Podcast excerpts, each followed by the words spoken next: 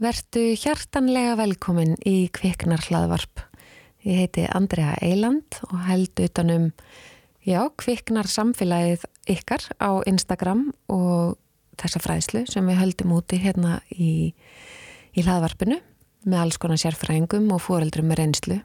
Og í dag eru Vignir og Arna og Nói litli komin til mín og við ætlum að spjalla bara um heim og geima heimafæðinguna þeirra uh, samfélagsmiðla og þriðivaktina við fórum alveg í, í þrjár mismunandi áttir. Náðum held ég að tengja þetta svona þokkalega vel saman. Við hefðum örgulega geta nota svona þrjá klukkutími viðbót. Þau eru svo áhugaverð og ég lít svo mikið upp til þeirra og, og hérna ég var alveg til að vera svona 20 árum yngri og, og hafa hana örnu sem fyrirmynd á samfélagsmiðlum hún er uh, mjög mikið raunin týpa. Já, ég segja að raunin ætti að vera ár, orð ársins 2022 hérna loksins, komin tvö ár síðan þetta fór á stað, en ég held að við tengjum margar uh, við þetta orð þegar ímislegt gengur á í lífinu og þegar allt gengur á í lífinu. Og lífið þeirra er svolítið þannig. Þessi hörkutól, hann vignir er kýrópraktor og með líf kýrópraktík sem ég mæli með bara strax í dag og pantiði tíma. Og, og hún er með taupleir.is og samfélagsmiðl sem að hérna hún er undir sínu einafni alveg dásanlegt fólk með tvei litil börn og hörkuduleg en samt uh, heiðaleg eða þú veist, þau eru heiðaleg með að það er ekki allt að vera dugleg og, og ég legg mjög miklu áherslu á það að dugleg er ekki uh, er ekki raun og veru hrós og er ekki nöðsin og þarf ekki. Uh, bara svolítið vera jú, það er gott að hafa markmið, ná þeim uh, uppfylla drauma sína en stundum sumi dagar verða bara að vera fokkitt og þetta skiptir engum máli slökum bara á, horfum í auðvun okkur stöðru öndum og reynum bara að vera til. Reynum allavega að stefna uh, að ég sleppa við að fara í kulnun sem fórildrar eða í sambandinu eða skilja, þó þessi stundu fyrir bestu ok, þetta var landi búið Gjör þið svo vel, njótið þáttarins með örnu og vigni og nóa litla. Vignir, Arna og Nói, velkomin hingað í dag. Takk fyrir. Takk fyrir. Þú ert þarna líka, Vignir? Já, ég er hérna. Já. Færum að snær. Við erum með, með, hann litla Nói. Betur, hvað er hann gammal núna? Hann er sjómána. Já. Ótrúlegt. Þetta er annað batnið ykkar. Já. Og við erum búin að reyna hvað alltaf séu, fjögur skipti sem við erum búin að að hittast. Mögulega oftar. Í svo Ítalíu, mögulega oftar. En, en svo við rættum um, raunin er bara Já. alls konar og svo kemur eitthvað upp á og, og það er svo gott að geta sleppti að hafa allt informað í Excel-skjali. Já, og líka bara þurfu ekki að hafa áhyggjur að því að eitthvað klúrist. Já, Skilningstryggum móðir hérna á móti mér. emmitt. Já, það, það er nefnilega, þetta skiptir svolítið miklu, miklu máli, sérstaklega þegar við mæður erum veginn með minnum átt að kenda að vera ekki með allt hreinu, Já, að þá að hinn mamman sem við erum mögulega að fara að hitta að plana eitthvað með eða eitthvað svona, að, að við bara, heyrðu, þú veist, þetta er alltaf lagi, ég ég skil þig. Já, þessi mórall, já, lesaði Nói, mórallin við að vera að segja nei, ég kemst ekki ægjar alltaf haus heima eða börnin eru svona eða hins en ég held að flest allar maður hafa, örgulega bara allar maður sem hafa upplegað þetta, Emmitt. að eru með mórallin að segja nei en svo Já. held ég að flest allir skilja þetta. Já. En við erum hér. Já, en mér finnst svolítið skemmtilegt, þú nefndir einn á hann, hérna, já það er svo- svolítið í tísku að hafa allt svolítið skipulagt. Já, það er... Það, er, í gangi. Ég veit að Segð ég... þú það, þú ert ég, sko, þú ert ung, skilur, ég er, ég er hann 41, þú veist, ég, er, ég veit ekki hvað er tísku, hvað er smart og hvað ekki, og hvað, en ég hef, alveg- ég tekið eftir þessu. Já, ég náttúrulega kaupi þessar skipulagsbækur og gera mitt besta með þetta geggjar mömmur sko sem ná að halda svona vel utan um þetta. Já, Ég er ekki alveg alltaf þar, maður reynir sitt besta en stundum er bara alltaf haus hjá manni en já, það er svolítið mikið svona menning í því að skrá niður og gera dagbækur og halda utan um allt alveg tipptopp og kannski er þetta þann heim hjá okkur út af vignir er svolítið duglega að því. Ég er örugglega bara miklu meira fyririldi, það er kannski bara það. Mjög maður- duglega að hérna, skrifa niður og svo gleymur alltaf að kíkja á það. já, En hún er mjög samvinsku sem ég að skrifa niður í bókina sko. Ok, það er þá eitthvað. Það Ert þú Excel-skjali hennar þá? Ég seti allt í síman sko Þannig Já. ég fæ alltaf remændir í símanum og mér finnst það langt þægilega Þannig ég man alltaf svona eitthvað Já, En þannig já, ég svona held svona aðeins utanum þetta meira kannski. Raunin er bara En, kása en dagbókinu örnu er falleri Það er, þú veist. Já, ég eitthvað. bókinn hennar Solrúnar, hún er mjög fín sko. Já. já, Já, það var alveg náttúr Já, ég meina það er alltaf eitthvað svona, eitthvað svona byrjun. En, en þú veist þú veist, það er, já, það er, það er mjög gott að skrifa niður. Ég meina ég til dæmis skrifa niður markmiði mín á svona stórt blað heima og við erum búin að gera þetta við þorlega síðan svona ári eftir að við kynntumst. Og eiginlega allt sem við skrifum þegar við byggum í lögadalunum uh, er annarkvort byrjað að rætast eða hefur ræst. Vá, það er að, bara amazing, ég ætla að nota íslensku en það er Já. geggjað sko. Já, þannig að og nú vorum við myndið búið til nýtt eftir að við fluttum á kampastæði og þannig að ég, ég sé að þetta sko virka fyrir mig. Já, en svo er ég mitt svona dagbókaperri líka. Já, og ég skrifa niður en mann sé hann ekki að ég mitt gleyma kiki en ég, ég hef búin að sko, ég hef ágjur að því þú veist, að stelpur eða, þú veist, ungar og eldri mæður og að ég held að þetta sé minna hjá strákum eins kynjað og þetta hljómar uh, að, að svo með saminskupið yfir að get ekki mitt haldiði við efnið eða já. einhvern veginn að allt, þú ert búin að skrifa þetta, klukkan, þetta átt og þetta að gerast og svo bara fer dagurinn og þegar við erum með börn þá breytist alltaf allt já, eitthvað á hverjum degi. stendst Nei, Ég upplifði þetta svolítið þegar ég er búin að skrifa eitthvað niður og plana vikuna já, og fyrstu tveir dagarnir færi rúst þá fyrir restin er rúst og Já. þá kannski skrifa ég ekki næstu vikuna heldur. Einmitt. og svo kannski er liðin mánuður og bókin er tóm þar og þá er ég bara, ó, ég er búin að eðilegja þessa bók ó, ég er búin að eðilegja árið. Já, eða það er að spyrja mig hver bókin er af Því hún er bara, Komin og já. já, ég hljóma alveg eins og klassísk móðir. Já en mér finnst það gott að við getum bara Mhm. viðkjönd þetta.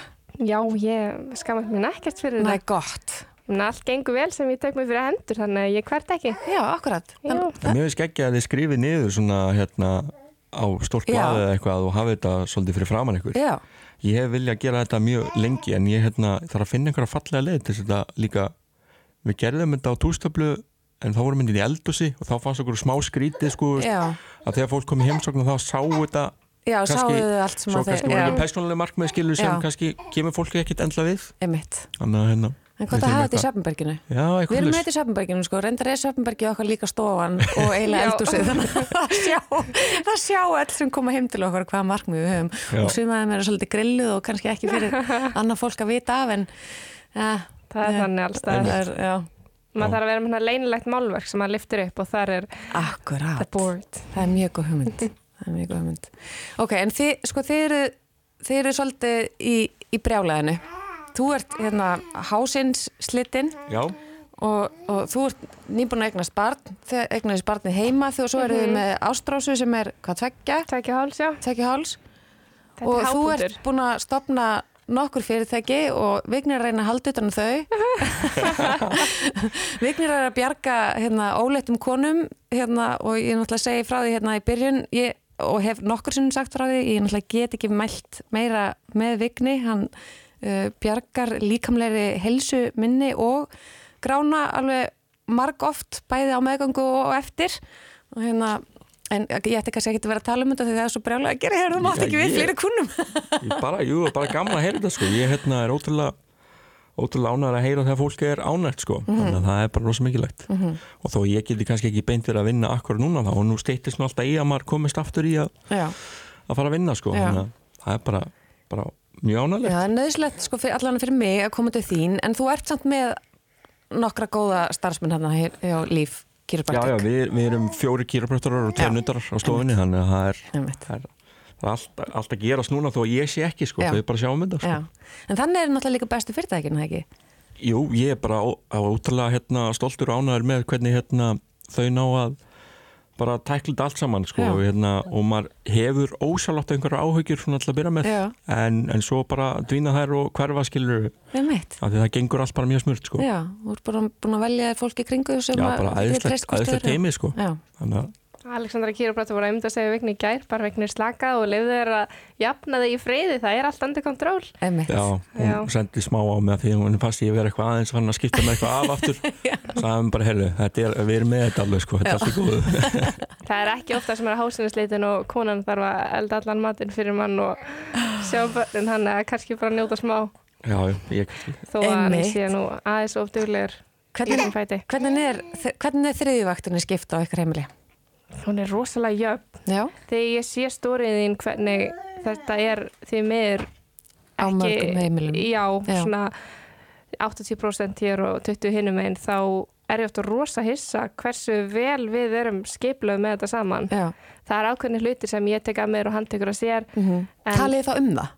Ekkert endilega það Nei. bara þróast þannig og svo Ok. stundum tölum um það og erum bara bæði sátt með það og Ok, ef að mitt er alveg á haus þá stekkur hann inni og ef hans er á haus þá stekk ég inni þetta einhvern veginn, ok, byggjið þið um hjálp frá hvort öru? já, já, Já. klálega mhm já, við erum já, dugleg ég að er kannski um meira en þú, Arna, ég veit ekki hjálp. mm, nei, kannski ekki.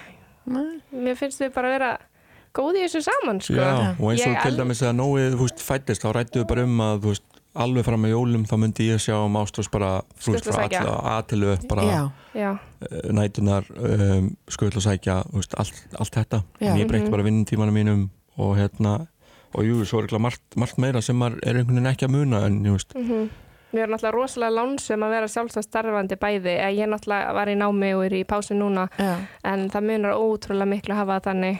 Sérstaklega líka þegar áður en Nói fættist þá var ég ofta að sækja ástrás eftir skóla og vera með hana. Svo kom vikna heim úr vinninni og þá var algjör luxus fyrir mig að hann tæki bara hana að fara að leika við hann og ég fekk að bara elda matinn í róleitunum. já, Ég sætt sé ofta um að elda og hann er þá með börnum með hann Já. og við bara bæði elskum það. já, já, oft, oft á tíðum fannst mér rosa gott að komast einmitt heim og fá að fara út bara með. Þannig að við Já. værum bara með Quality quality, þú veist, gæða tíma saman mhm, og, og oftar á tíðum vildi Arna bara líka fá frið og hlusta á podcast og, og elda í friði sko. Ok, þetta er mjög gott samkómulega. það er Já. samt svolítið þín hugleisla Arna, Arna byður oft um að fá veist, þetta, þú veist, fara og bara elda í friði. Já, Já, þegar viknir tekur við, heyrðu, ég ætla að elda þetta í kvöld, þá fæ ég smá svona, heyrðu, þú veist að taka, mitt af mér, ég, taka mitt moment. en já, það við erum með gott samkomulag, en en hvað gengur um- það frá eftir matinn? Það er eiginlega svona sitt og hvað. Yfirleitt sko það tók, tekur miklu lengri tíma að svæfa ástrós, þess að eldri, áður en náttúrulega nógu fættist, þá fór hann að svæfa og við vorum alltaf með samkomulag um það, á meðan hann er inn að svæfa, þá ger ég eins mikið og ég gætt frammi, Mhm, eða öfugt og svo þegar börnur er sopnuð Mhm. þá bara hættu við. Mhm, það er stundum kannski allt búið að gera en stundum er það bara betra að fá smá tíma saman og Tvö, laga, já einmitt, og sleppa bara tökunum af því sem að Já, öllum ég er verkefnunum og þar. checklistanum. Já, það er ótrúlega margir sem get ekki farið að sofa út af því að þá eftir þú inn á vél eða klára smá í eldhúsinu eða eitthvað en ég er ekki alveg þar ég, ég get alveg sleppt þessu bara og slakar smá á og tekið þetta daginn eftir hvað hvað er ánað að heyra þetta? já, Og ég ætla að vona að þið séu líka þarna úti ánaðar og ánaðir að heyra þetta og að þetta er fyrirmyndar. ok, það er gott að ég er oft, stundum með smá móra leifis en er ofta að segja við mig að bara ekki af móra, þetta er alltaf læg sko, þetta, svona er Það þetta fer bara ekki neitt. Nei, nákvæmlega En, En mómentin saman, þau er nefnilega fljóta einhvern veginn að gleymast. Já, þannig ég held að allan að þessi þriðavakt skiptist ágætlega vel á okkur og vissilega meira mín megin núna út af hásinarslitinu en það er bara eins og það er og ef ég veit að ef ég veri hásinarslitinu eða nýbúin í aðgerð þá Mhm. væri þetta hinn megin Mhm. Þannig að við erum bara mjög lánsum með hvort annað annars hefði ég ekki sagt já við hann um daginn Já, einmitt, oh my, segið mér frá því. Já, hann var bara bónorð. ég sko hérna var búin að ákveða hérna að, að gera þetta um, fyrir þó nokkuð síðan. Já, en svo bara þú veist, já ég var eitthvað búin að ákveða með jólinn, mér fannst það einhvern veginn svona hvað maður að segja, kósi stund og ég haf búin að svona, smá að plana það með örnu á þess að hún vissi það að þú veist, við færum til fólkdra minna kæmum síðan heim já, og værum ennþá bara við tvö að opna gjafina eftir að værum búin að svæfa þau. Já. það væri komið svona smá ró. Já, og ég vildi að hérna mómenti væri bara svolítið okkar. Já. svo náttúrulega slíti hásinu eftir jól og þá kom svona smá babbi bátinn, þá var ég veist, en svo bara þarna á aðfanganda þá fór ég að reyna að gá hvort ég, ég, ég gata ekkert farin nýr á nýja sko, dagan undan sko, en þetta var smá tvísýnt. En hérna en það hafðist með smá hjálp frá örnu þarna á aðfangadag. Það er ekki alveg eins og maður hafði ímynda sér þetta skilur en Það veist, skipti ég, engu máli. hérna, Það skipti ekki öllu máli. Það var samt ykkar fullkomna moment. Já, bara einlegt skilur og bara fallegt bara við tvö sko. Hérna, hérna, við vorum einhver tíma búin að svona ræða það að við vildum held ég hvoru að það væri einhverju miklu fjölmanni eða eitthvað já, þannig að mér, mér fannst þetta best og ég held að, held að Arna hafi líka bara verið ána með þetta sko Já. Mhm. Ég er mjög feimin manneski ótrúlega þannig sagt. Já, kannski minna með árunum en mér hefði allt mér verið að gera áður og fólk sem er að hlusta hér veit að kannski ekki að ég var svo mikið í fegararsamkjöfn með einu sinni. já. En já, smá feimin en annars Það, er, bara... það er magna, fórstu þá í það til þess að einhvern veginn að hrista það af þér eða? Nei, mér langaði það bara mjög mikið. Já, Ég veit ekki hvað er, ég sá bara fyrir mér fullt af ferðalögum og einhverjum spennandi verkefnum. já Sem, Svona eins og kannski glamúrin sem maður sér fyrir sér þegar kona fær eða vinni sem flugfræða. já, Þetta er eitthvað svona svipu stemning. já, svolítið Já, þannig. er eitthvað svona glamúr Já. yfir því. Þetta er svolítið þannig. Já. En svo er þetta bara svolítið mikið vinna. Já, þetta var svolítið mikið vinna, ég festist svolítið lengi í þessu en ég vildi líka bara fá að upplifa eitthvað skemmtilegt áður ég myndi festa mig niður í barnignir og nám og allt það sem ég er bara mjög glöð að vera að gera núna. En hvað, hérna, hvernig, hvernig verður svona ungur, svona nútíma maður uh, svona meðvitaður um ábyrð á heimili og þriðivakt og eitthvað svona og, og greinlega tala svona um þetta. Er þetta, er þetta uppeldið eða er þetta, Já, ég þú veist, ég veit ekki maður, ég veit ekki hvort maður er að hæla sjálfur sér á mikið eða veist, hvort að ég sé eitthvað betur en aðrir endilega sko en hérna ég allan að tel að hérna fóldrar mínir hafi gert bara nokkuð gott starf með uppeldi og fleira og bara okkur sískjörnum líka sko hann að hérna um, ég held að svolítið komið þar og svo líka það að hafa flutt þvítur út til bandaríkina í kýraflötunám já, og veist, ég flytt bara út með tvær töskur og, og mamma var búin að prenta út einhverja hérna rétti sem ég gæti lært að elda og eitthvað sem var sko allt sem hún gerir sko og eitthvað svona. Og svo þurfti maður bara alltaf að finna út úr því og veist, það var eiginlega besta, mann er hendi djúbuleginu maður bara, veist, mjög langt í burtur á mamma og pappa og ég þurfti að borða og ég þurfti að þrjá fötu mín og allt þetta. Og, og hérna og það held ég líka hafi verið stór skóli í því að hérna að læra svona inn á þetta með heimilislífi að það, þetta gerist ekkert að sjálfur sér nei. eins og það gerir stundum stundum heima um og pappa Ömmit, að ömmit. hérna það var líka óg gott að vera í sex ár bara þarna frá tvítut og þurfa að sjá um allt sjálfur sko Já, já, þú sagði byrjar nefnilega að segja þrítugt, en þú fluttir sér tvítur. já tvítugt fyrir ekki, já, já, já. Fyrsta setningi sem Vigni sagði við mig þegar við vorum að byrja að kynnast þegar hann sendi skilabóð með Instagram var einmitt að hann vera ríksög allt heima á sér. Sem, var alveg sagt Já, ég hugsaði líka einskótt að þetta sé eitthvað sem hann Já, nei, nei, þetta er bara það var púin hestinni, ég, þarna bjóð ég á þeim tíma heim um pappa og hérna neðri hæðin var bara mitt verkefni í aðra hverju viku á móti sískinu mínum, hann að hérna þetta, þetta var bara eitthvað sem maður þurfti að gera. Ánað með þetta. En Svo eldaði ég líka fyrir þig. Fyrst Já, fyrsta deytið að elda hann fyrir mig. já, ok, Hann bara setti öll spil að borðið strax. já, það er bara best að gera það. Bara hendis út, vera alveg heðaleg og heðalegur með hvernig við erum. En er, eru fyrirmyndinar, eru fóldræðinir, eru svona, eru jæmt hjá þeim?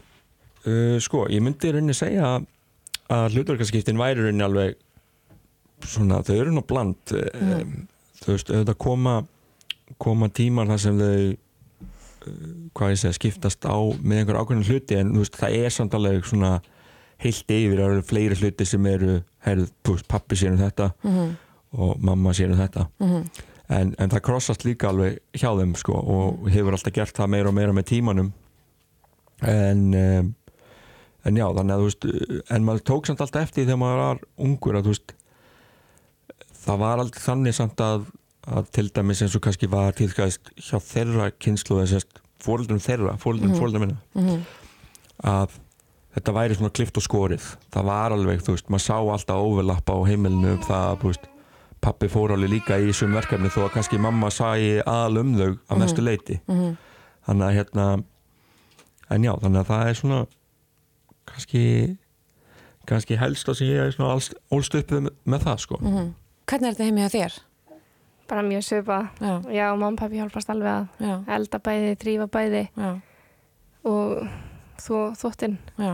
Það var bara allt í bland Mhm. en ég held að það sé kannski ástæðan okkur að svona gott jafnvægi hjá okkur ef við komum bæði frá mjög svipaðum heimilum og við fengum mjög svipað uppeldi Já. við tölum snemma um það í sambandinu okkar hversu líkir fóreldra okkar eru hvað varðar heimilisverk og uppeld og börnun sínum þannig að það spilar eitthvað stóran parti af hverju við náum svona vel saman á mörgum sviðum Já, Já, einmitt, þetta komið vel að mjög fljótt í tal sko, einmitt, þú veist, hvað við áttum okkur á því hvað þetta var svipað já, og, og hérna uh, og líka bara hvað var það þú veist svona þú veist reglur þegar maður er barn og úlingur þú veist svona útvistarreglur og fleira þú veist að Mhm. þetta var alveg það var fyllt þessu eftir á báðum heimilum og það var alveg þú veist þú veist það var aldrei ósanginni en þú veist það var samt þú veist það voru ákveðna reglur sem var hægt að fara eftir og maður þurfti að virða það sko já, þannig að hérna sem ég held að sé líka ágætt ofta tíðum að að ef maður er með einhver reglur sem fjölskylda að það sé þú veist ég menn það er bara mjög mikilvægt að vera mörg Já, og hérna og já, ég held að þannig að það, það var eitthvað sem við allan tengdum strax við og svo bara líka um þetta allt annað eins og þetta með, með heimilisverkin og allt svoleiðis, þetta var svona Mhm. ekki bara einhver eitt sem átti öll verkefninu, sko. Nei. Hvernig er þetta í kringum ykkur?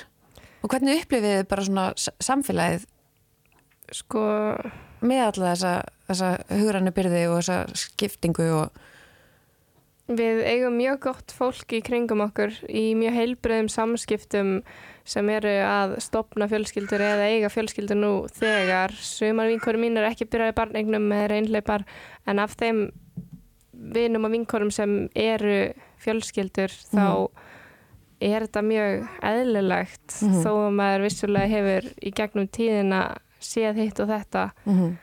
en ég tók mjög snemma eftir til dæmis hvað vignir umgengst einungis, ég ætla bara að segja alveg einungis helstift fólk sem er bara jafn, með jafn fallegt hjarta eins og hann og alltaf Mhm. tilbúið til þess að aðstóða og nældi sér líka í þannig maka Mhm. þannig að þetta er rosalega mikil forréttindi að segja þetta að við erum bara með gull af fólki í kringum okkur Mhm.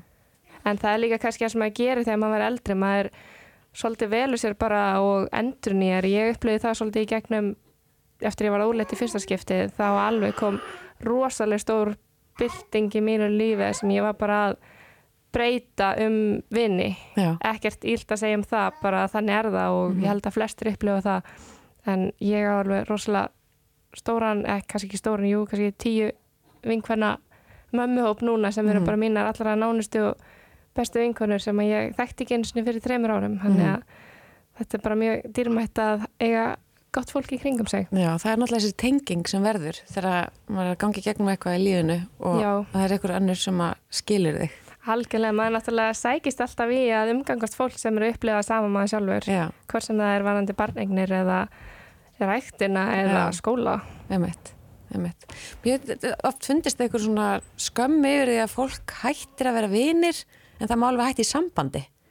Já, það er alveg sem, mjög, sem mjög skrítið Þú veist, af því að við náttúrulega Mhm. verðum að velja vin okkar og það þarf ekkert endilega að vera vinurinn sér eitthvað ómölugur heldur bara að leiðir eitthvað líka ekki saman lengur. Já, algjörlega. og það er bara eðlilegt að fara sér ykkur áttina. Já, svo fer fólk í einhverja flækju þegar hittist á götu eftir fimm ár, bara já, hana við, Já, já, svo bara við erum að fara að hittast og hana, Já. hana, þetta verður eitthvað svona óþægild en það er alveg eðlilegt, það finnst öllum bara mjög eðlilegt að leiðir skiljast Já. og maður ákast ekki að vera með mórali við því heldur. Nei. Nei, alls ekki, og Allir líka vona bara, ég held að sko einmitt, ekki endilega leiðið skiljist en þú veist, áherslur held ég breytast líka bara hjá fólki akkurat áhersluna hjá kannski einum er að fyrir gegnum sambandsleit Já. sem var samt búið að steddi í og fer þá kannski í, nám og, og það breytist, langar að fara að ferðast og eitthvað, menn einhvers kannski sem er lungu sambandi eða eitthvað fer þá bara í eignar spönn og kaupa íbúð og. Mhm. það fer svolítið bara eftir eftir svolítið hvernig hlutinu aðtökast líka sko,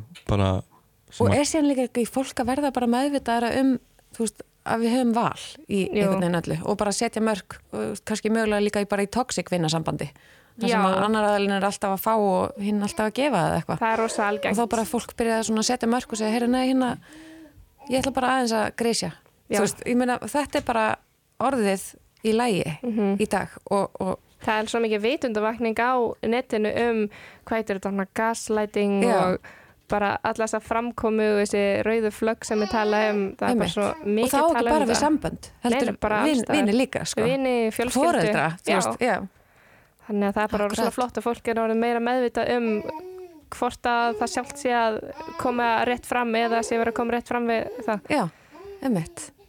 Já, algjörlega. Og það var líka eitt punkturinn að rétt á undan um, það sem varst að spurja með svona uh, okkar, hvað maður að segja, kynnslóð eða hvernig Mm uh, við upplifum þetta þá finnst mér sko allan að það sem ég upplifi gegnum þá vini mína sem er í kringum mig sem Já. er þá strákar skilur Já, er að það er uh, það er enginn að þeim á þeim stað að vera eitthvað þessi, þessi gammaldags típa eins og tíðkæst áður. Nei, og uh, menn eru miklu meira að taka þátt í öllu sagt skipulægi og taka ábyrð og hérna leta undir og, eða skilur við leta undir, veist, bara taka þátt í þessu Mhm. um, meira held ég og, og vilja veist, ég sé það líka bara með hérna bæði hérna fólk sem er hjá mér á stofunni sko, Mhm. eh, í teimin okkar er að þú veist, maður tekur eftir þegar einhver veikindi á börnunum þeirra, þú veist, þá er bara heyrðu, ég er hérna helminginn daginn og svo allar hérna hann að vera heima eða hún. Já, og hérna, þannig ég tekið rosa mikið eftir því að þetta er, mér líður eins og allan að hjá langflestum sé þetta rosa 50-50 já, Þetta er bara gott dæmi með það eins og þegar ég var í klásus fyrir einu eða rúmi ári síðan þá ef að ég var náttúrulega alltaf heima þá að læra út af COVID og ef að það var hengt úr leikskólanum að barnið eftir að koma heim eða var lokað þá sagði stundum við viknu upp að það er mikið verða að læra hann í dag. Og þá voru við kannski öll heima.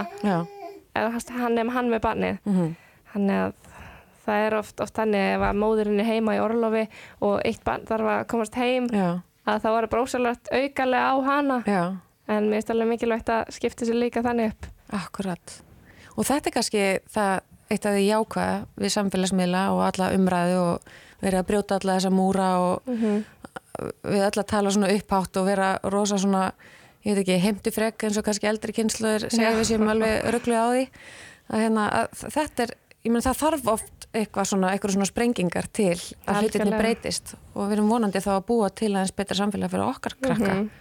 Er ekki alltaf rísasprengingar á 20 ára fresti í sögunni? Já, Já, mér er snefnilega magnað sko, ég upplifði það að hérna, fara mjög reglulega sem ungur drengur til sko langum og langafa Já, og þar, þú veist, þegar maður horfir til hlutana eða veist hvernig þau gerðu hlutina að þá var bara, skiptingi var mjög skýr. hún var mjög skýr sko. þú veist, eins og ég man bara alltaf eftir því, þú veist, þegar aðra var búin að borða þá sett hann bara gaffalinn hníf saman og ítti þessum svona 10 cm og Já, svo bara beið hann eftir, Já. eftir eftir rétt sko já, og kaffibólla eða eitthvað emmett. á meðan hún, amma fór og gekk frá og gerði allt og vaskaði upp og bara hann bara satt og beði potrólur sko. Það þetta kemur, þetta lítur að koma með Já. aukinu umræðu og, og kraft miklu fólki og, og bara mjög mikilvægt að öll kyn taki þátt í, í þessari byltingu. En mér langar heyrum fe- já heimafæðinguna. ég veit að það er í hug. Það er mitt, þegar við tölum um kín og að taka þátt, þá eru feður rosalega mikið að taka þátt í fæðingum í dag og það bara tíðkast varla að pappar séu ekki, eða makar, afsækja mig, alltaf. varla að makinn sé ekki viðstattur. Emmett. Og ljósmaður í dag er oft farin að vera bara já uh, já, bara taka þátt og kenna makanum að vera en já, já og gaman að fæða heima og það eru margar ástæðar bak við það Já. og ég var rosalótt spurð af hverju en ég sjálf er að menta mig sem hjúgrunarfræðingur í vonum að verða ljósmaður í framtíðinni, ekki von, ég ætla bara að ætlar. ljósmaður Alltaf mjög mikilvægt að segja það sem við Mhm. ætlum að gera. Já, Alltaf þegar ég heyri fólk eitthvað svona, já, mér langar svo að, hérna, ég ætla vonandi að, nei, segðu bara að þú eða reyna ætlar. eða eitthvað Já, eða reyna, nei, bara ekki reyna, segðu bara það, nákvæmlega eins og þú segir þetta fyrir þér já og talaðu alltaf þannig. Ég hef nefnilega stundum fengið hérna spurningar, já, það er nú náttúrulega komast bara örfáur inn á hverju ári. Já, Þá er hann bara, já, ég ætla ekki að hætta fyrir en ég kemst inn. emmett. En mér finnst svo dásamlega tilhugsun í framtíðinni sem ljósmóðir að hafa fætt á nokkrum mismunandi stöðum til þess að geta mögulega sett mig í spór konunar Já, ef ég er að vinna í heimafæðingu eða fæðingarheimili, spítala, hann að það er svona aðal punkturinn bak við þetta og auðvitað er líka COVID að hræðslan við það að geta ekki haft maka með sér þegar ríðanar eru í gangi er náttúrulega bara skelvileg tilhugsun finnst mér mhm. þannig að, En þú áttir ástur nefnilega hjá Björkinni. já, Já. Fyrsta barn í björkinni, annar barn heima þriða barn, Já, meiri barn segja- spítali Ég var Meiri- alltaf að myndi bara að Já. spyrja því næst. Það þarf til að gera það. meiri sem með ástar þá sko hérna, einmitt líka kom mörgum óvart skilur að að Arna hafi valið að fara í björkina þá ég, Já, hafi- fyrsta barn ég nefndi að ég vissi hvað björkin væri og þannig Mhm. fóru að skoða það og, og örnulegst vel á það en, en þá voru með margir svona gáttar með það og svo líka þú veist með nóga að ætla að eiga hann heima sko. Já. Þannig að hérna Já, fólk var rosalega gátt á mig, sérstaklega með Ástrós og auðvitað líka heimafæðingu annarskipti en ég fekk alveg mjög ofta að heyra það með Ástrós að ég hefði nú aldrei fætt á þau barn, ég vissi ekki hvernig þetta væri, að þetta væri erfið en ég heldi, þetta væri nú ekki alveg svona mikill dans og rósum og ekki svona, svona fallegt smurt og skorið.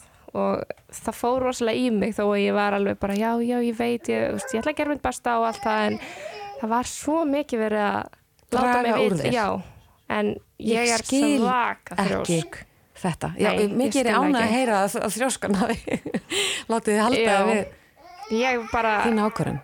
Leiðilegt að þetta hafi flext inn í fæðingunum mína en stóran part af fæðingunum minni þá hugsaði ég ég ætla að sanna fyrir fólki að ég get þetta sem er svolítið lýsandi fyrir mig, Vignir er örugglega hlæjandi núna, já hann er hlæjandi.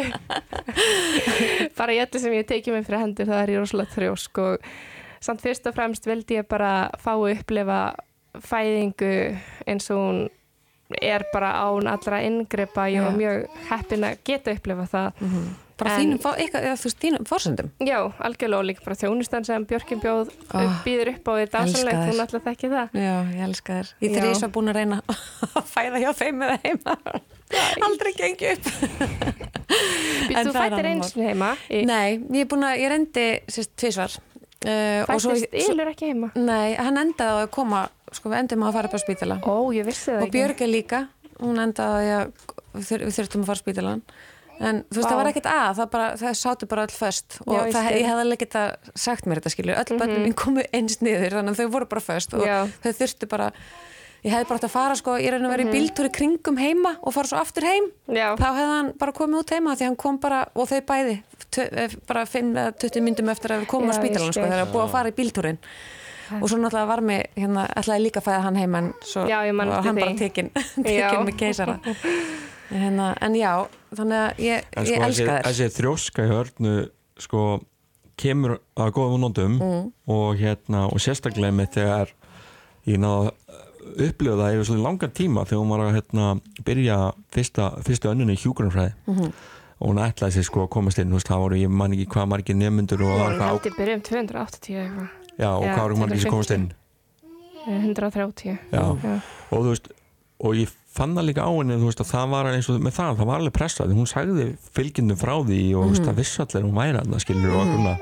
og svo endan hún bara að vera í skilur topp 10 eða 15 af bara þeim sem komast í gegn en það skein svo í gegn allan tíman sko hvað hún ætlaði sér. Já, sko að komast inn í gegnum þetta sko. Já, Þetta er bara sama með fæðinguna, fyrstu fæðinguna mína að því miður er það stundum þannig í samfélaginu ef einhverjum hefur að ganga vel einhverju, ég veit ekki, var, Mhm. gekk vel sem úlingur í íþróttum og svo fór ég í fegursamkefninar og það var smá svona skrítið að einhver stelpa sem hafi verið í fegursamkefnum væri eitthvað að fara að fæða án inngripa eða eitthvað, þú veist, ég upplýði smá þannig sem er svolítið skrítið. Mhm.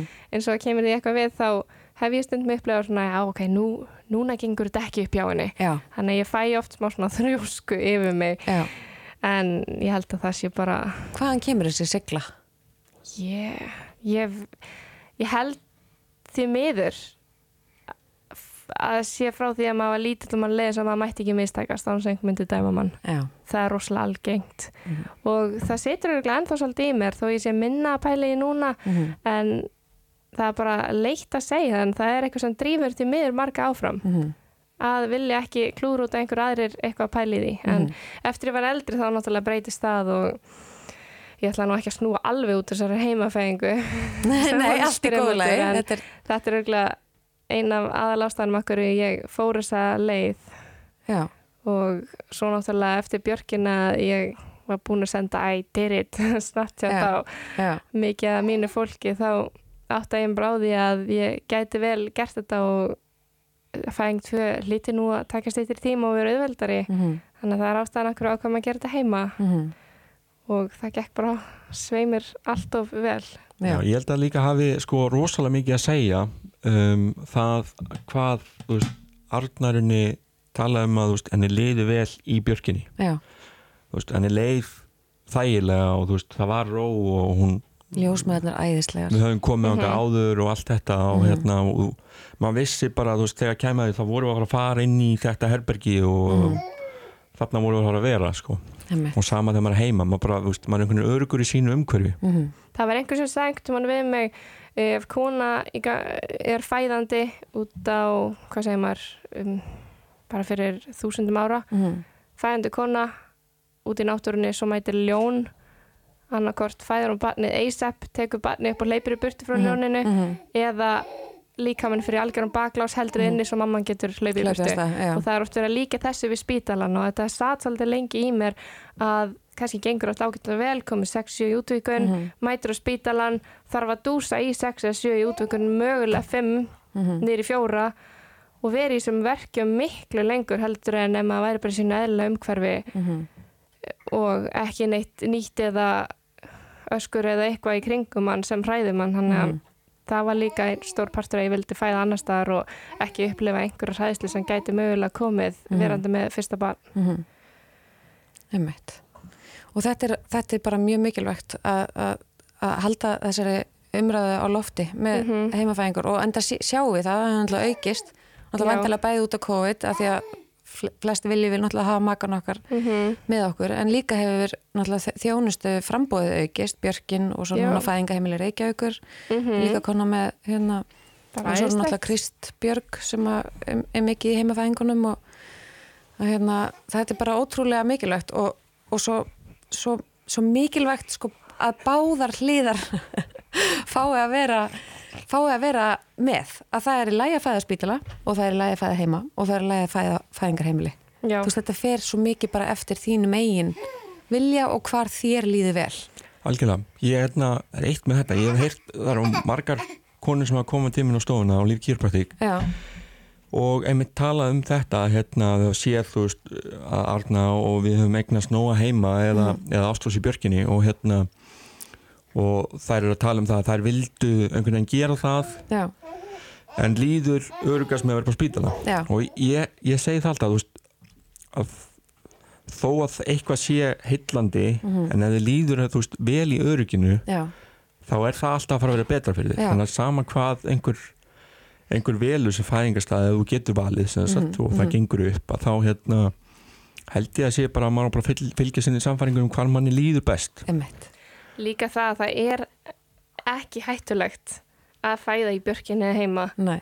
allan ekki það sem við ef búum meðgangan er í lagi Já, þá, Efst, fyrir já. mig þá var þetta ekki hættulegt Nei. og ljósmaður vinna mikið út frá því að fæðing er eðlileg þar til eitthvað annað kemur í ljós og Mhm. þær eru rosalega góður í að spotta það ef eitthvað er mögulega að fara að koma í ljós það þá er er náttúrulega snillingar ég eru, sjá já. fyrirfram það sem er þær eru bara að gerast. fagmenn í þessu og Já. vita nákvæmlega, hvað segir maður, svona, það sem gerist áður, áður en eitthvað gerist. Já. Þannig að maður, ef eitthvað er að fara að gerast, þá er maður mættur spít, upp á spítala þegar það gerist. Þetta er svolítið flókið, kann Ég er að þa- útskýrta. Nei, en þetta, þetta, þetta er svona ég meina Já. það er ástæðan fyrir ég bæðiskiptin ég fór, það var ekkert að hef, ég hefði getið haldið áfram heima Mm, bara- en þær taka bara engar áhættur Já, þannig að það algjörlega. er bara þú veist, já, herðu, núna teljum við best og þá er náttúrulega líka spurning að móðurinn og, og, og, og maginn treysti þá bara því sem að ljósmóðurinn segir Já, og bara, eins og ég náttúrulega bara gerði já, bara já, þér áður þessu ég, þú veist, það er ekki standild að taka neinar ákvarðanir. Þetta er svolítið bara, já, treysta ferlinu, treysta líkán sínum og ljósmóðurinni. já, Og ef maður reiknar þetta saman, ég held að Björkin segja að taki átta mínútur að fá sjúkrabíl og keira maður niður eftir eða, mm Mhm. samtals mhm, að ringja og vera mættur niður á fæðingadeildi ef eitthvað kemur bara akjút upp á. Mhm, og þá hugsa ég oft út í að með hvað er mikið að gera oft á fæðingadeildin hversu langan tíma það tekur þú veist oft heyrir maður að það tekur svolítið langan tíma að fá hitt á þetta en já, kannski ekki ef það er akjút aðstæður en þetta er ekkert mikill munur held ég. Nei akkurat. Indislegt og, þið, og þú, þið letuð taka upp á innband Já, ræðinguna það er líklega örgulega það sem er ofta að íta fólki út í að prófa að fæða heima. Það Já. er orðið svo mikið aðgengi að fallegum og jákvæðum fæðingar myndböndum á netinu og Já. það er líka eina ástæðan hverju ég vildi gera þetta. Ég sá bara fyrir mig einhverja fallega og rólega stund mm og ég var handvið sem ég vildi taka þetta upp þannig Mhm. að það gerist aðeins hraðara heldur en ég ætlaði mér ég ætlaði að hafa svona GoPro ofan í lauginni Já. til þess að geta séð barni alveg koma út en já. Það bara náðist ekki, hann var svo snakkur á því. Já, ég bara, ég vissi hvað var að gerast þannig ég ákvaða að slaka á með þú veist, samdráttunum í rétta átt og þá gerist það miklu hraðar og ég ákvaða að treysta mér líkamannum betri í þetta skipti Mm en með því að taka upp og setja þetta inn þá held ég þetta sé að hvetja marga til þess að treysta líkamann sínum og kannski fara sér bara leið Já. Og hefur mætt einhverjum fordómi við því?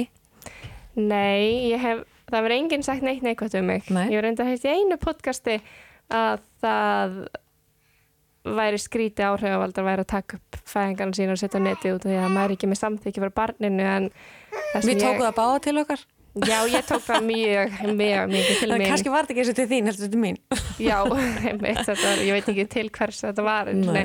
en það eina sem ég hugsaði bara er að þetta er svo ótrúlega þetta helst svo mikið í hendur Mhm. að fæðingar fræðisla trompar uh, þessa, hvað segir maður Myndbyrtingu. myndbyrtingu bars í fæðingu ef maður er að passa að setja kyn, kynfæri eða eitthvað þannig Já. út af því að ef að kona fari ákvaða fræðsla á netinu Mhm. sem hún nýti sér Mhm. þá mun henni liða betur á meðgöngunni minni Mhm. kvíði, minni þunglindi saman sem betri útkoma fæðingar Betri sangulega. betri sængulega, Já, betri umunum bars Já. þetta helst allt í hendur einmitt. held ég, er það ekki? Já, ég er alveg sammála. Ég allan hefur Arna fengið alveg ótrúlega mikið af skilabóðum bæði frá, frá konur sem er búin að eignast börn og mögulega verðandi maður um einhver tíman að hérna, hvað þeim finnst þetta fallegt að, að hérna, og hafi opnað svona komilega hug þeirra varðandi fæðingar Já. að geta að geta gert þetta svona Já.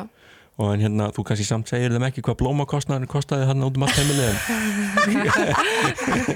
Við þurfum ekki allar að hafa blóm. Nei, Nei, kannski það ekki ekki, það er líka glótir að hafa kerti En það er alltaf góðu sko, ég sé ekki Já. eftir það er eiginlega eins segja gott að- ykkur það það er eiginlega eins gott að hérna, hann fætti svona nokkurn veginn á réttum tíma því annars er kannski blómur döð og Já, við höfum fann að að kaupa- að ný sko. Þannig, að- Já, ég, því miður kipti blóm fyrir 73.000 Þetta er hrikalegt, ég en veit það. var samt að eina samt En skilur þú veist, þetta var líka draumurinn minn. Þetta er bara, veist, þetta var bara það sem hún vildi og leta hana líða vel að hafa þetta og ég sagði bara þú veist, þá bara gerum við það. Veist, við bara búum til umhverfið sem, sem þú vilt Já. og, og veist, mjög góða punktur eins og Já. fyrir mig, þá, ég var ekki hennar sér áskir af því að ég bara var ekki áskir Nei. en hérna, þannig að mér fannst það bara aðeinslegt en, en þú veist þetta á samt svolítið kostnaður en það var meirinn meir í bjóstu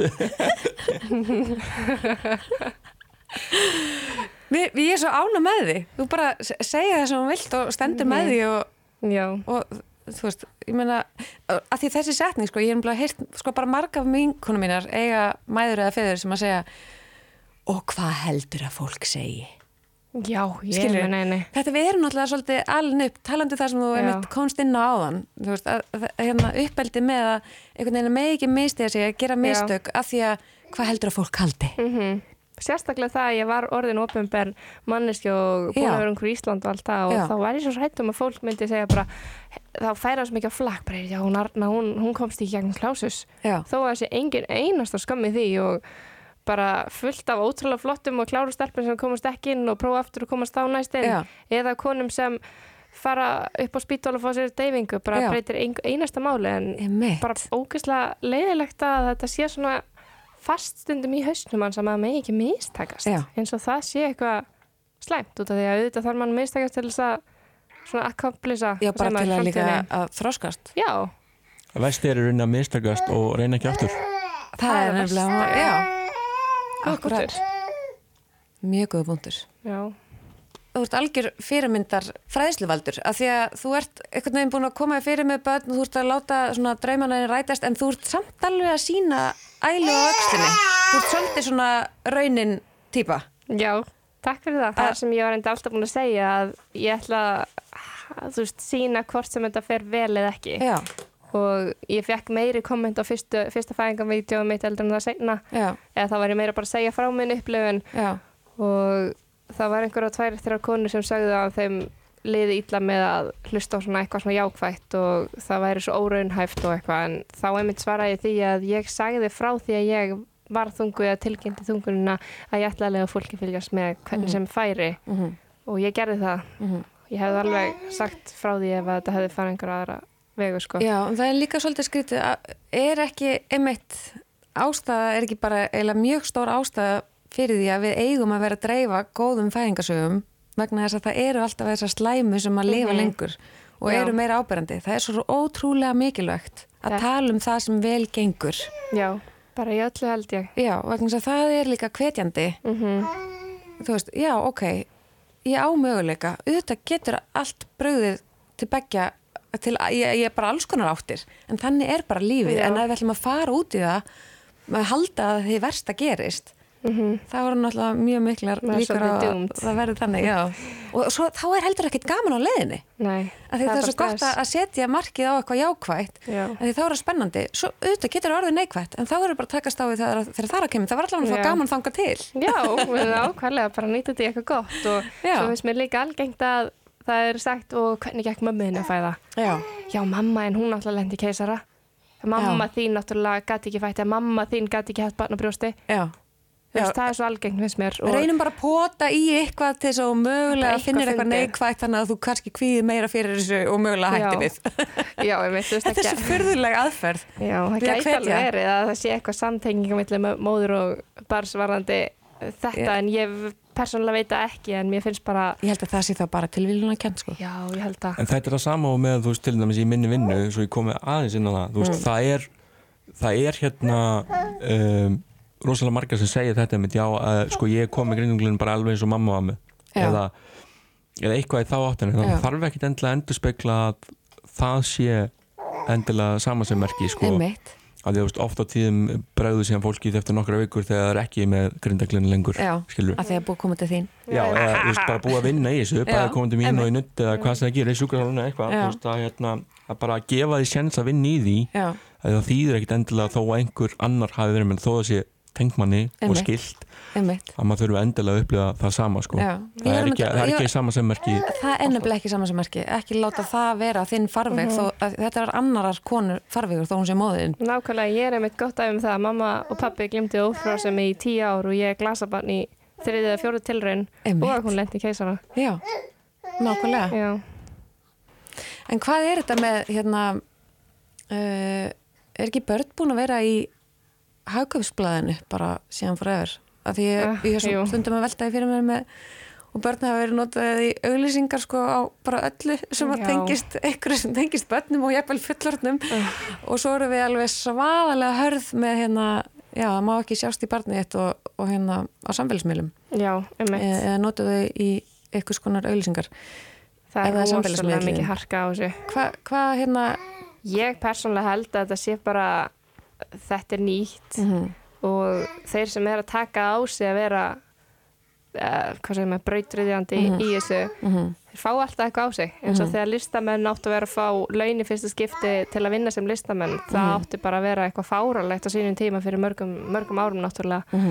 Og ég held að það sé bara að gerast aftur.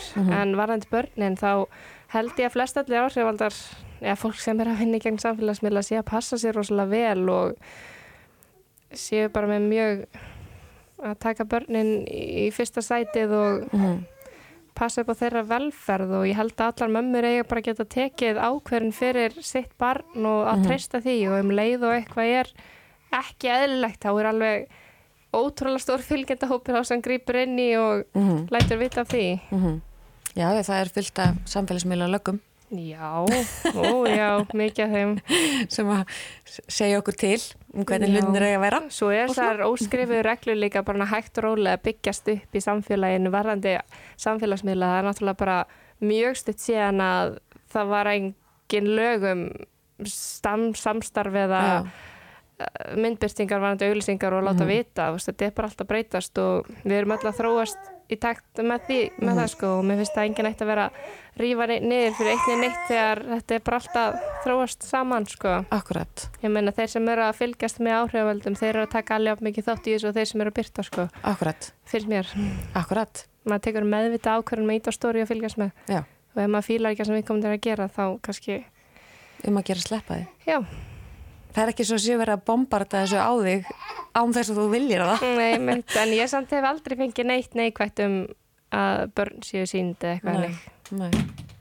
Ég, hérna, ég bað síni mína afsökunar um daginn í stóri uh, við fylgjendunum mínar ég sagði hérna að já, hérna, þessi drengir eru bara eiga mömmu sem er að halda utanum samfélag fóreldra og það væri mjög skrítið ef að, ef að ég væri ekki börnum mín væri ekki hluti af þessu samfélagi Mhm. og hérna ég bæði það bara afsökunar fyrirfram að ef þeir verða ósáttu við mig í framtíðinni þá verða þeir bara að eiga það við mig þegar þeir eru orðin stórir að hérna, Já. þeir hafa bara verið þáttakandur í þessari þessari raunin byltingu að sína hlutina eins og þeir eru Nákvæmlega. og, og hérna en, og það, það er bara, ég meina hérna börn af ýmsum ástæðum hafa átt fóreldra sem hafa þurft að berjast fyrir hinn og þessu eða vekja aðtegli eða auka umræðu á einhverju og þá er það bara, þú veist, það er bara þannig ég er held að þetta sé sko, bara lífið.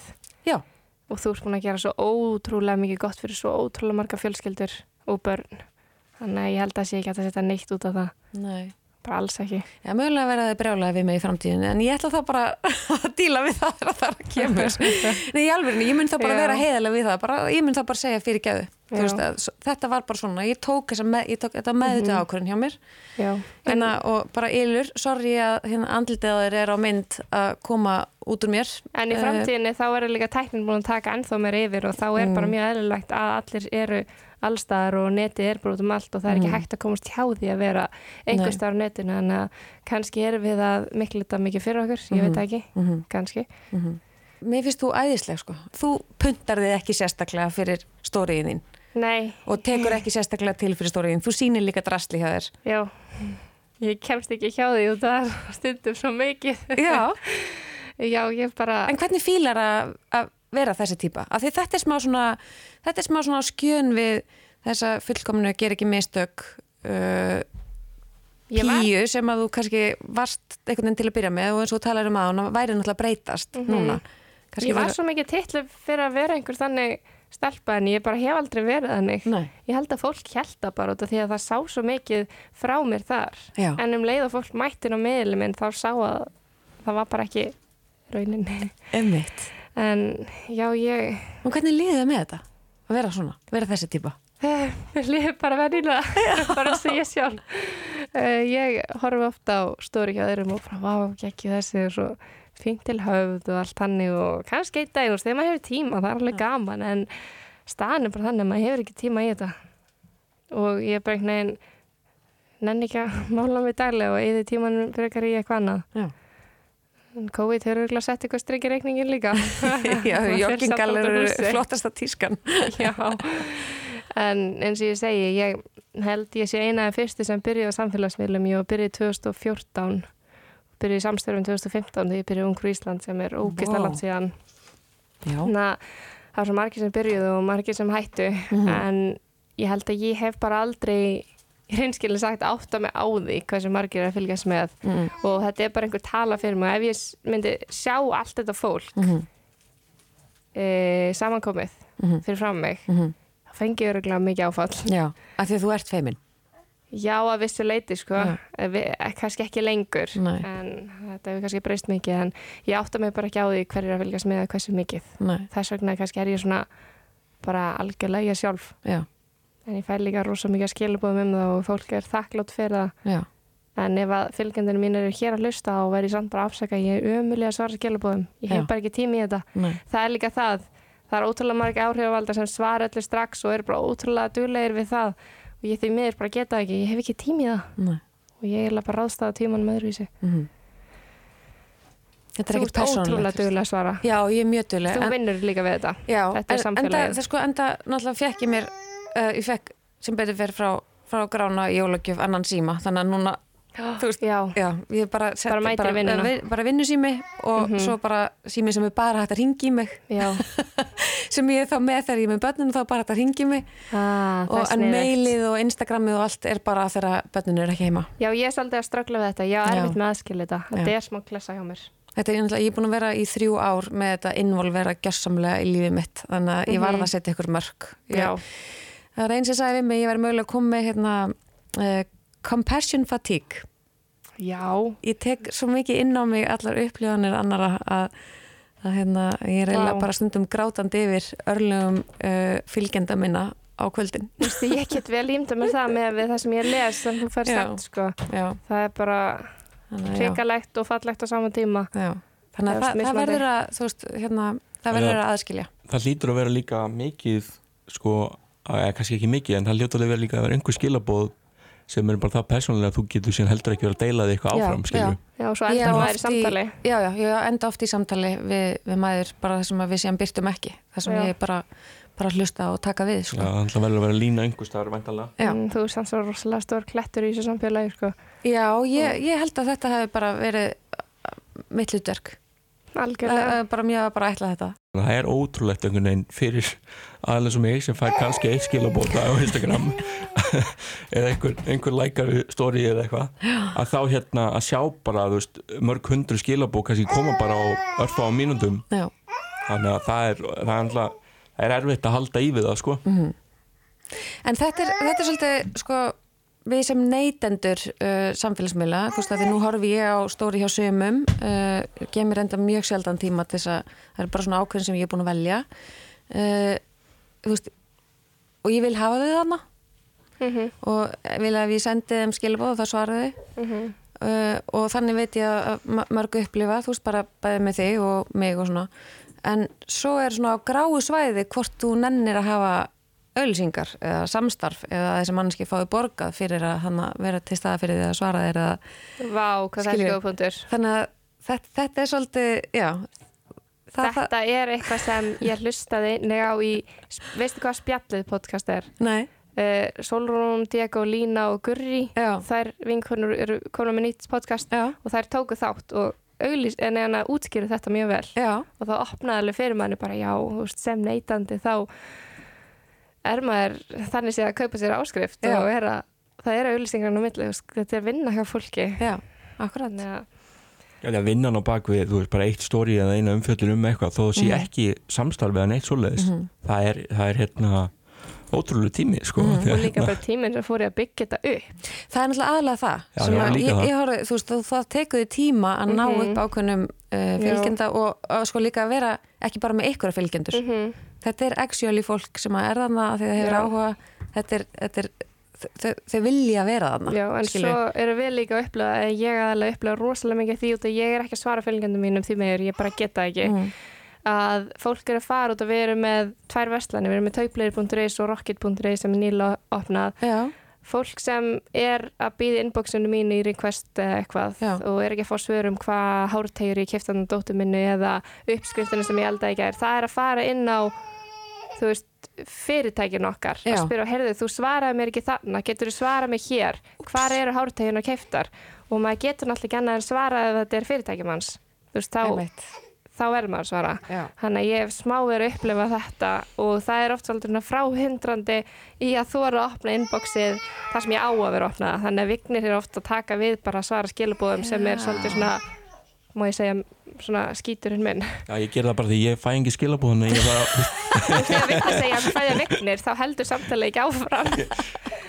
Æ, Það- en þú það veist, ég já. elska samt er yndislegir. en þú veist, ég, ég er samt að svara í einlægni en við höfum samt bara tekið eftir að þegar einmitt, þú veist, ég tek það fram að þetta sé ég svo Já. það sé ekki einhver miskilningur Já, að þá einhvern veginn ósjálfat verður samtali bara búið já. þannig að Sko ég fljótlega held, hætti ég að fá skilabóð þarna líka sko. ég held að ég, hvað, annarkort sko, ég held að ég klæði mig bara ekki nógu smart eða kaupi mér ekki nógu mikið af flottu af því að ég er bara eiginlega aldrei spurð að svona spurningum það er sko ein og ein spurning sem er eitthvað hva, hvar keftir þetta, hvar er svona hins einn og ég er oft bara svona hálf móðguð yfir því að ég vil hlíti að vera mikill lúði það vill enginn vita hvar ég fjekk eitt og þetta en ég, ég veit ekki hvað hérna þú veist, mér, þannig að þessar fá- fáu spurningar sem ég fær svona finnst mér bara mjög skemmtilega eitthvað, já, takk fyrir að spurja Já, einmitt. en, hérna, en ég veit ekki hvað ég myndi gera ef að það, er, ef að það myndi rúast inn fullt af spurningum um það ofan á sko reynslusögur og, og þessi þá, þá verð ég örgulega hætt sko Það er auðvitað bara mjög misað því að hvernig inboxin skiptast. Ég kannski bara Já. býð upp á það að við erum alltaf að fá spurningar en maður er alltaf að reyna samt að svara sem mest í stóri. Einmitt. Þessi þáttur breytist yfir í samfélagsmiðla en ég Já, held að fólk það- sé samt ótrúlega forviti um það. já, ég held að fólk sem ég ég get allavega sagt það, þú veist, áður en þú veist, við Arna byrjum að hittast og, og vera saman, að þá hérna þú veist, það er 2018 þannig að nú komið eitthvað síðan. En, Mhm. en þú veist, þá líka samt hafði maður um, þú veist, ég pældi reyndar ekkit vola mikið í þessu hverju voru áhrifavaldar eða eitthvað og ég, hérna eins og ég sagt á örnu sko, ég hérna ég treytaði það aldrei sem þannig bara, mér leist bara vel á þessu stelpu og var ekkert að pæli en ég áttaði maður Svúpaður hana með riksu Já, Lill byrja bara með mér út af followers. Já.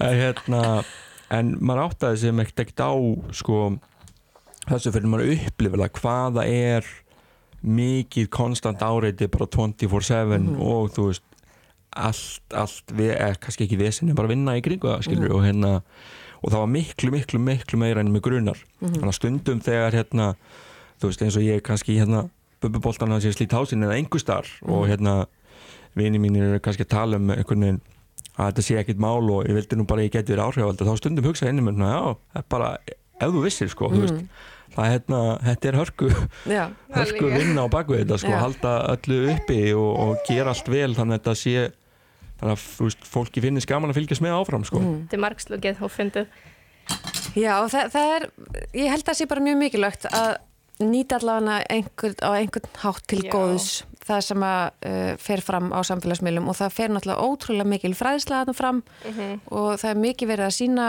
hvernig hlutinir eru ekki glansmyndaðir.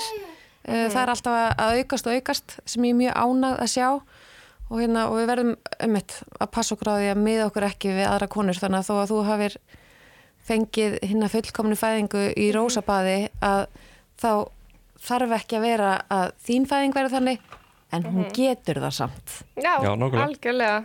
Og það er ímislegt annað sem fylgir. Já, Ég til dæmis lendi alltaf í hræðilegum brjóstasíkingum Já ég fylgist með því og ég, ég held að mögulega sko að brjóstasíking sé uh, svona svo fimmföld fæðingarsársöki Já, ógislegt Þetta er bara að ræðilegt það er Já. suma sem eiga að slæma fæðingu en geggja brjóstakjöf Já. Þannig að þetta bara skiptist á marga vegu Þetta bara skiptist að alls konar veru alveg bara alls konar Svo er bara líka gaman að sjá þessa rái og ekki þessa glansmynd Já. en svo finnst mér líka gaman að sjá glansmyndina til þess Já. að fá peppið Já, Þannig að það er kannski bara Þetta horfa jákvæmt sko. á þetta allt sem Já. jafnvægi eins og þú segir.